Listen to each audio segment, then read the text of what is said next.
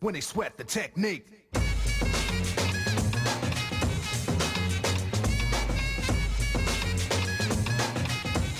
Don't sweat the technique. Witam naszych szanownych gości w moim studiu. Ja nazywam się Kacper Brylewski i chciałem przeprowadzić z wami tutaj króciutki wywiad na temat y, sceny breakingowej w Polsce, jak i również na Ukrainie. Zacznijmy może od tego, żebyście się przedstawili. Słucham was. Jasne. E, nazywam się Minkina Marcin. Mówią na mnie Bibo i Minkin.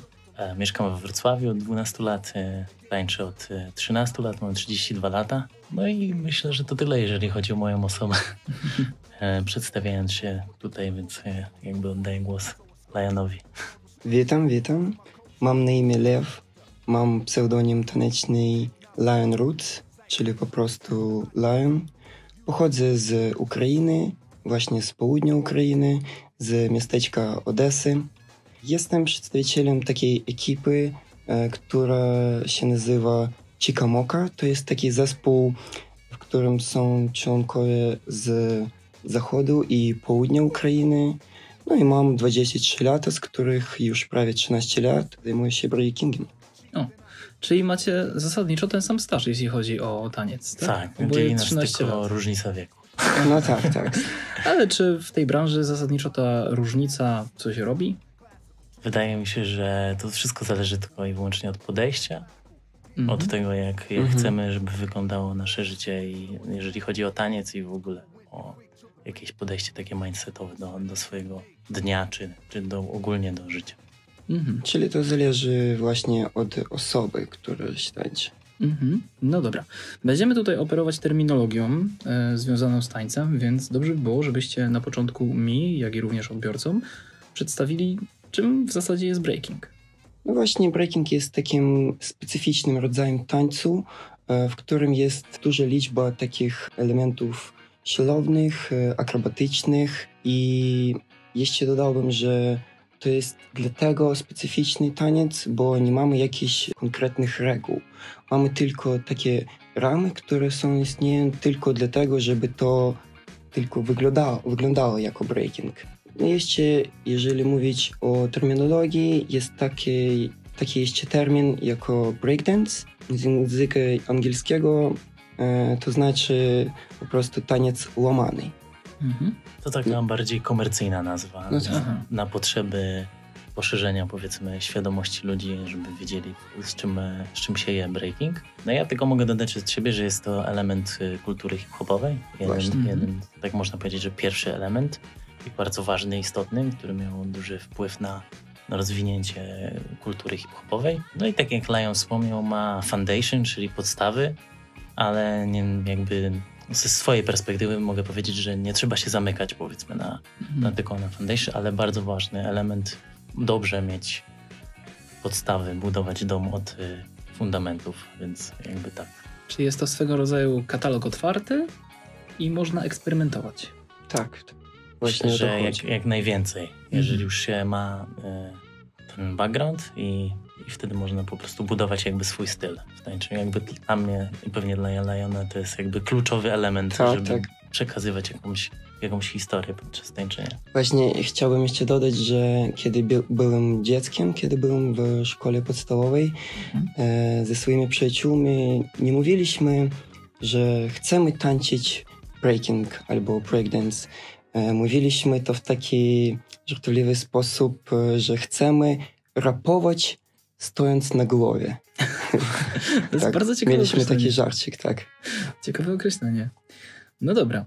Z racji, że przedstawiacie tutaj e, dwie różne sceny breakingowe, polską i ukraińską, na pewno macie ciekawe spostrzeżenia i porównanie tej sceny, prawda?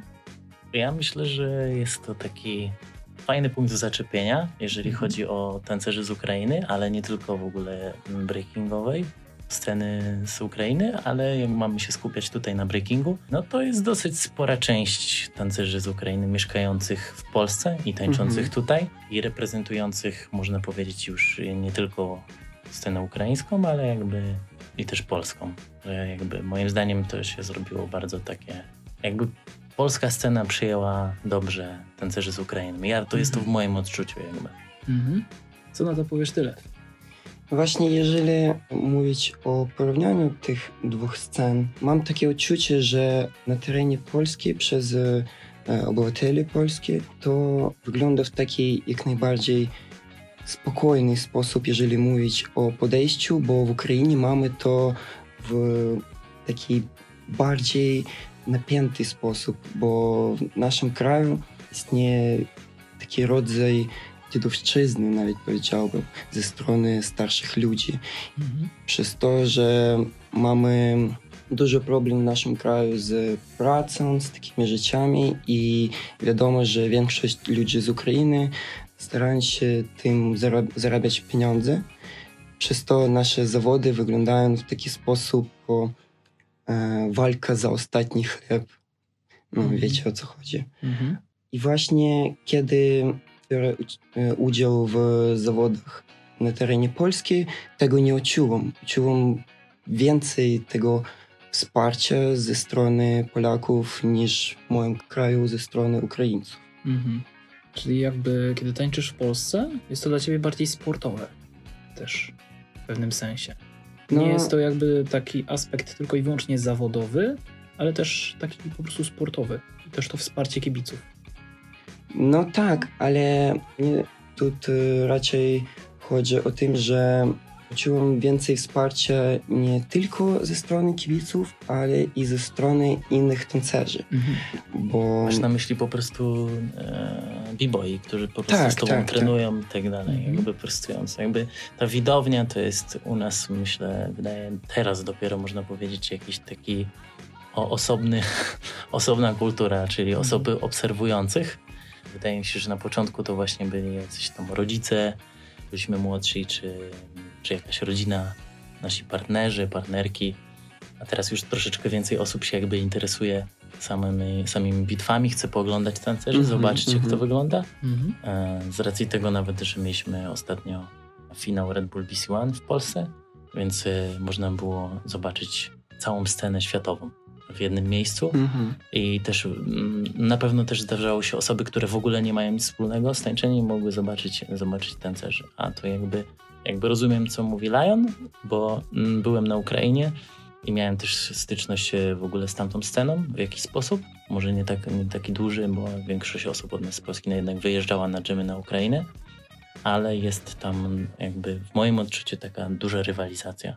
Tak, tak. Z jednej strony jest to bardzo fajne, ale tak jak Lion mówi, że czasami może za dużo presji, za dużo takiego ciśnienia, no ale to jest tylko jakby jeden aspekt, który jakby buduje tą scenę taneczną. Mhm. nie? Mówimy tutaj bardziej, wydaje mi się, indywidualnie możemy podejść do tego, ale Mhm. jakby tak. A jakie jeszcze aspekty jakby składają się tutaj na to, jak wygląda scena w Polsce i w Ukrainie? Ja myślę, że w, powiem to ze swojej strony, jak zaczynałem tańczyć i no już był dostęp do jakichś tam materiałów, powiedzmy wideo, Mhm. e, do jakichś takich rzeczy i bardzo dużo osób jakby sięga do tego czasu, gdy oglądało jakieś filmy, DVD z zawodów i tak dalej, no to moim z pierwszych filmów w ogóle, które ja oglądałem, mówię to o swoim przykładzie, dlatego że no, tak się złożyło, że te materiały w jakiś sposób mnie ukształtowały, to był B-Boy Unit z Ukrainy. Mhm. I to był chyba rok 2008 albo 2005 i tam widziałem tą scenę, ale bardzo mi się podobało jakby oryginalność tancerzy, czyli e, ich kreatywność w tańcu. Oprócz tego właśnie, że mają podstawy i tak dalej, to bardzo mieli dużo swoich ruchów, które kreowali na przestrzeni tam lat, czy na przestrzeni treningów, jamów i mnóstwa innych okazji do tańczenia. A w Polsce wydaje mi się, że no, wpływ dla mnie na, na tą scenę miała jedna ekipa, która jest do tej pory najbardziej rozpoznawalna, jest to Polski Flavor Polski flavor, tak. i, i jakby w dalszym ciągu teraz to jakby powiedzmy nurt tego wszystkiego jest, e, jest jakby odczuwalny przez, przez tą ekipę i tych ludzi, którzy ją tworzyli. I wydaje mi się, że ta scena na Ukrainie też zna tych ludzi bardzo dobrze, bo Oczywiście. polski flavor wielokrotnie podróżował na Ukrainę. I, i nie wiem, jak e, myślę, że Lion będzie wiedział więcej, jeżeli chodzi o, o scenę e, ukraińską, jak to się kształtowało na, na przestrzeni. Wydaje mi się, że to też jest parę w ogóle e, dekad i, i er. Mhm. Jeszcze tak powiedziałbym, że E, Z mojego punktu widzenia, kiedy patrzę na tancerzy z różnych krajów, w tym Polski, Niemczech, jeszcze skąd, to mógłbym to określić, że każdy kraj ma jakiś swój własny styl i można tak to określić, że to jest polski styl, włoski styl, niemiecki styl, a w swoim kraju trochę trudno dla mnie tak powiedzieć, bo kiedy patrzę na tancerzy z południa Ukrainy, zachodu albo jeszcze skąd, to nie mogę określić, że ma jakiś taki wspólny styl. Każdy tancerz, e, no, taki mniej więcej e, znany, ma swój osobny styl i nigdy nie widziałem, żeby to powtarzało po prostu. Czyli nie mogę po prostu powiedzieć, że mamy ukraiński styl. Po prostu z tego powodu, że każdy ma jakiś zupełnie inny. Ktoś e, jak najbardziej inspiruje właśnie polską scenę i coś stąd e, e, biorę dla siebie, albo z jakiejś zupełnie innej sceny.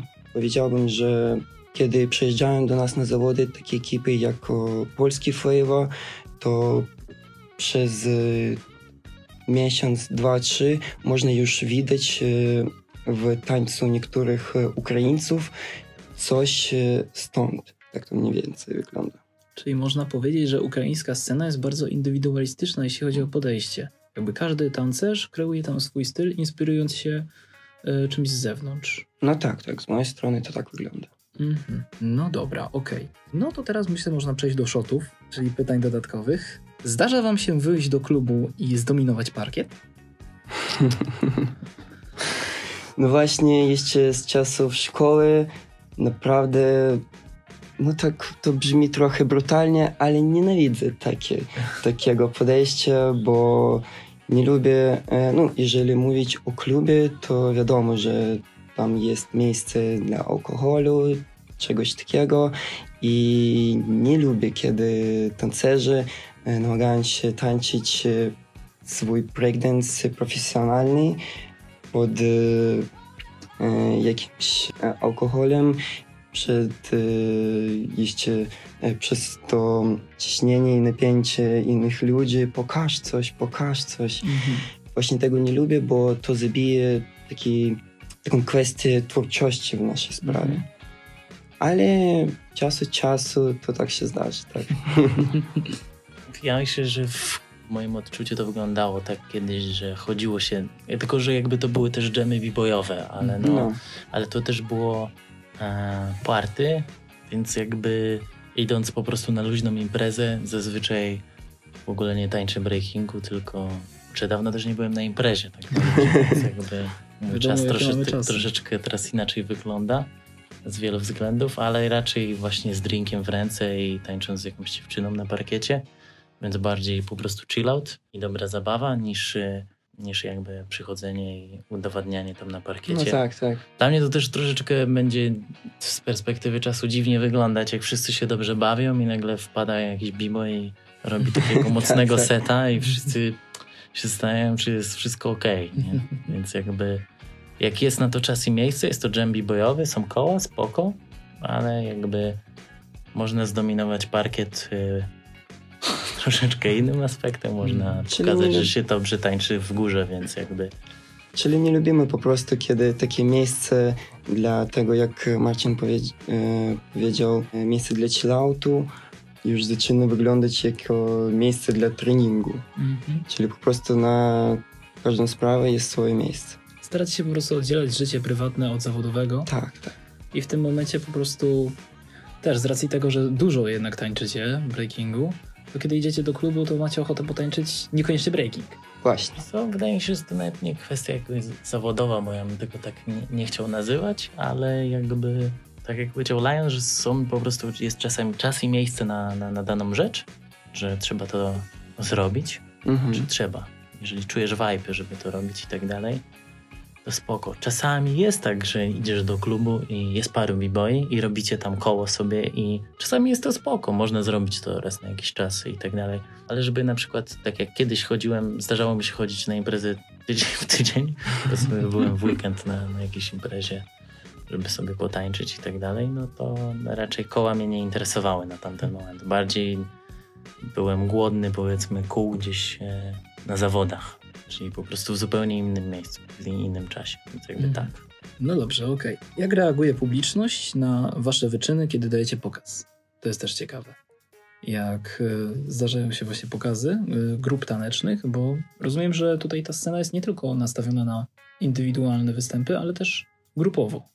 Tak, są walki crew na crew, czyli Mhm. powiedzmy ekipa na ekipę, trzy na, Mhm, na mhm. przykład 3 na 3, czyli trzech b-boy, czy na przykład b-boys i biggers, bądź 8 na 8, ale szczerze mówiąc bardzo mało jest e, takich imprez 8 na 8. O właśnie, to a propos kół, jakby ktoś nie wiedział jak to wygląda, po prostu Mhm, mhm. tworzymy krąg, jak to nazwać.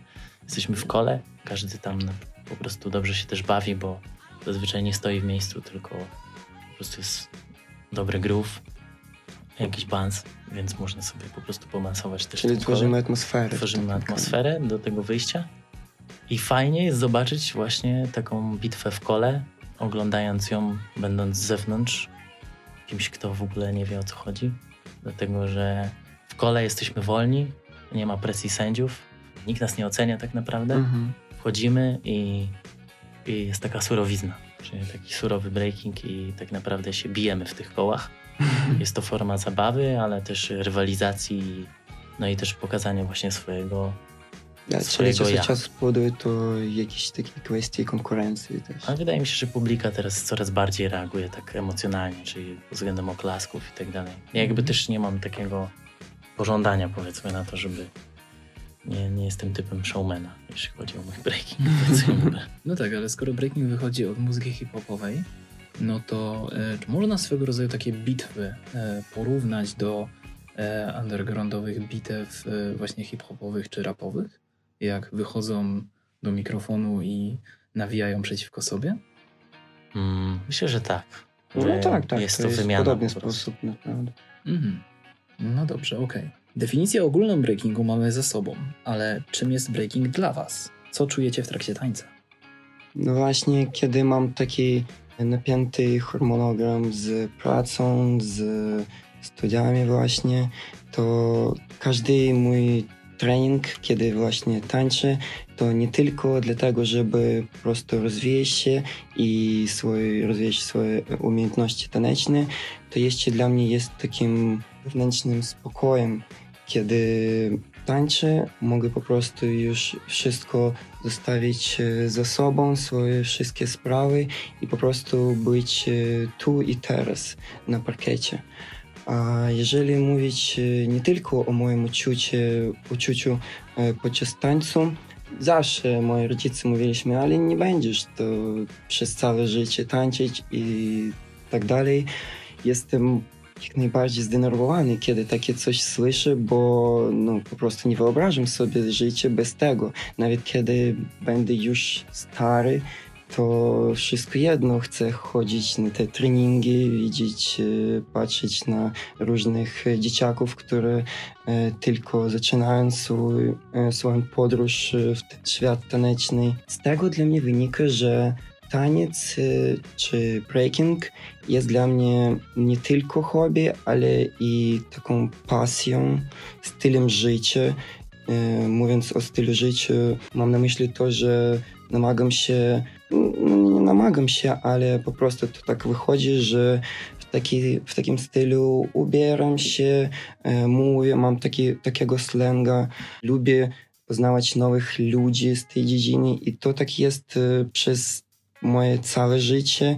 Bardzo chciałbym, mam nadzieję, że tak będzie i dalej. Czyli to jest dla mnie i hobby, i stylem życia, i pasją, i nawet pracą z, ze sobą zarabiać pieniądze też. Wydaje mi się, że jesteśmy po prostu na innych etapach jakby w życiu, więc Mhm. jakby przez pewien okres czasu ja powiedzmy, że mogłem powiedzieć, że żyłem sobie z tańczenia na zasadzie po prostu jeździłem na zawody, brałem w nich udział, wygrywałem, przegrywałem, brałem udział w jakichś pokazach, czy robiłem jakieś sobie komercyjne rzeczy, na których mogłem zarobić pieniądze poprzez tańczenie i byłem bardzo w ogóle zadowolony i wdzięczny za to, a później jakby moja droga też poszła po prostu w takim kierunku. Jakby jest związane z breakingiem, bo jestem trenerem personalnym między innymi i trenuję jakby codziennie, czyli codziennie się ruszam, wstaję rano, e, robię swoje po prostu rytua- rytualne rzeczy, czyli po prostu no, nie, nie biorę telefonu do ręki, tylko właśnie idę się rozciągać i tak dalej, e, robię jakąś jogę, no i później sobie tańczę powiedzmy 20 minut, robię to po roku, później idę na, na trening, później prowadzę treningi, więc jakby cały czas w moim życiu to jest. Czasami jeżdżę mniej na zawody. Przed pandemią jeździłem dosyć sporo. I lubiłem też jeździć za granicę i jakby dla mnie breaking jest, e, to jest tworzenie jakiejś historii razem, czyli powiedzmy przekazywania tego wszystkiego w indywidualny sposób, ale nie tylko jako jednostka, bo jakby możemy się cały czas nawzajem inspirować, cały czas nawzajem się motywować na trening. Czasami można zobaczyć, że ktoś ma gorszy dzień, to podejść, porozmawiać. Trzeba pamiętać właśnie też o tym, co Lion powiedział, przekazywać też młodym Mhm. e, wiedzę. Pamiętać, że można czerpać z tego jakieś korzyści na, na wszelaki sposób, czy jak ktoś chce finansowo i tak dalej, żyć z tańczenia jak najbardziej. Ja Uważam, że to jest jakiś, jakaś droga, ale jeżeli ktoś też nie chce, tak jak ja, e, powiedzmy, i robić też inne rzeczy, to jak najbardziej. No, dla mnie to jest przede wszystkim no, wyrażenie siebie, czyli swoich emocji i tak dalej. To się zmienia. No, mówimy, że człowiek się zmienia co 7 lat, więc generalnie to się później zmienia. Te emocje w tańczeniu i tak dalej. Ktoś jest później bardziej spokojny, bardziej poukładany, więc tak też tańczy. Jego życie tak wygląda, więc y, to też można zauważyć w jego tańcu. Ktoś jest bardziej ekspresywny, Mhm. to bardziej jego, tań, jego breaking jest bardziej ekspresją. Jest naprawdę mnóstwo tancerzy i i mnóstwo charakterów, mnóstwo postaci, mnóstwo informacji do przekazania, więc jakby przekazywanie siebie poprzez breaking, jak w moim odczuciu. Czyli skoro człowiek zmienia się co 7 lat, to między wami jest półtorej zmiany. Można powiedzieć. No, tak kolokwialnie mówiąc, powiedzmy. No ciekawe, jak to będzie rozwijać z czasem. Natomiast jeszcze jedna sprawa. Gdyby porównać tancerza do zwierzęcia, to do jakiego? Mhm. To już takie pytanie na rozkmin. No to jest takim ciekawym pytaniem. Dla mnie to właśnie zależy od, e, no jeżeli mówić o tancerzach e, w dziedzinie breakingowej, czyli o b-boyach albo o b-girl, to zależy od e, stylu tego tancerza, czyli nie, nie mógłbym powiedzieć, że e, wszyscy tancerzy są dla mnie postrzegani jako lew czy ktoś jeszcze.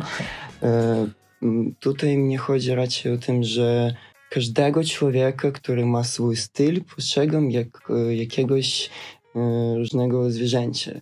Czyli może być e, tancerz, który tańczy jak najbardziej tak w taki brutalny sposób, ktoś e, raczej w taki spokojny. I jeżeli mówić e, o mnie, to e, postrzegam swój styl jako kota. Czyli tak, tak jak już powiedziałem, taki styl akuratny. Siebie postrzegam jako kota. Takiego mniejszego lwa. Tak, tak. A jak to u ciebie wygląda, Marcin? Ja myślę, że to też można pójść dalej w inspirację, czyli b-boye na pewno się inspirują różnymi rzeczami, różnymi zwierzętami. Jedni bardziej wężami na przykład, albo tygrysami i tak dalej. W moim odczuciu, no to też jako kot, jakby naj, najwięcej osób powiedziałoby jako kot, ale ja jak bardziej myślę, że jako puma. Jakoś tak ostatnio mam taką rozkminkę, jeżeli chodzi o, o swoje w ogóle podejście do, do tego, więc y, tak, ale dużo osób kojarzy z kotami i tak dalej. Może ktoś po prostu, nie wiem, inspiruje się bardziej ptakami, spoko, nie mam w ogóle żadnego problemu. Jakby ta inspiracja jest dowolna. Ale tak, kot jest jakby najczęstszym wyborem. Zresztą to tak można powiedzieć. Lion na przykład dużo ryzykuje podczas tańczenia, więc jest takim kotem. Takim młodym kotem, który gdzieś tam sobie skacze po wszystkim i, i ryzykuje w ruchach, to mam na myśli.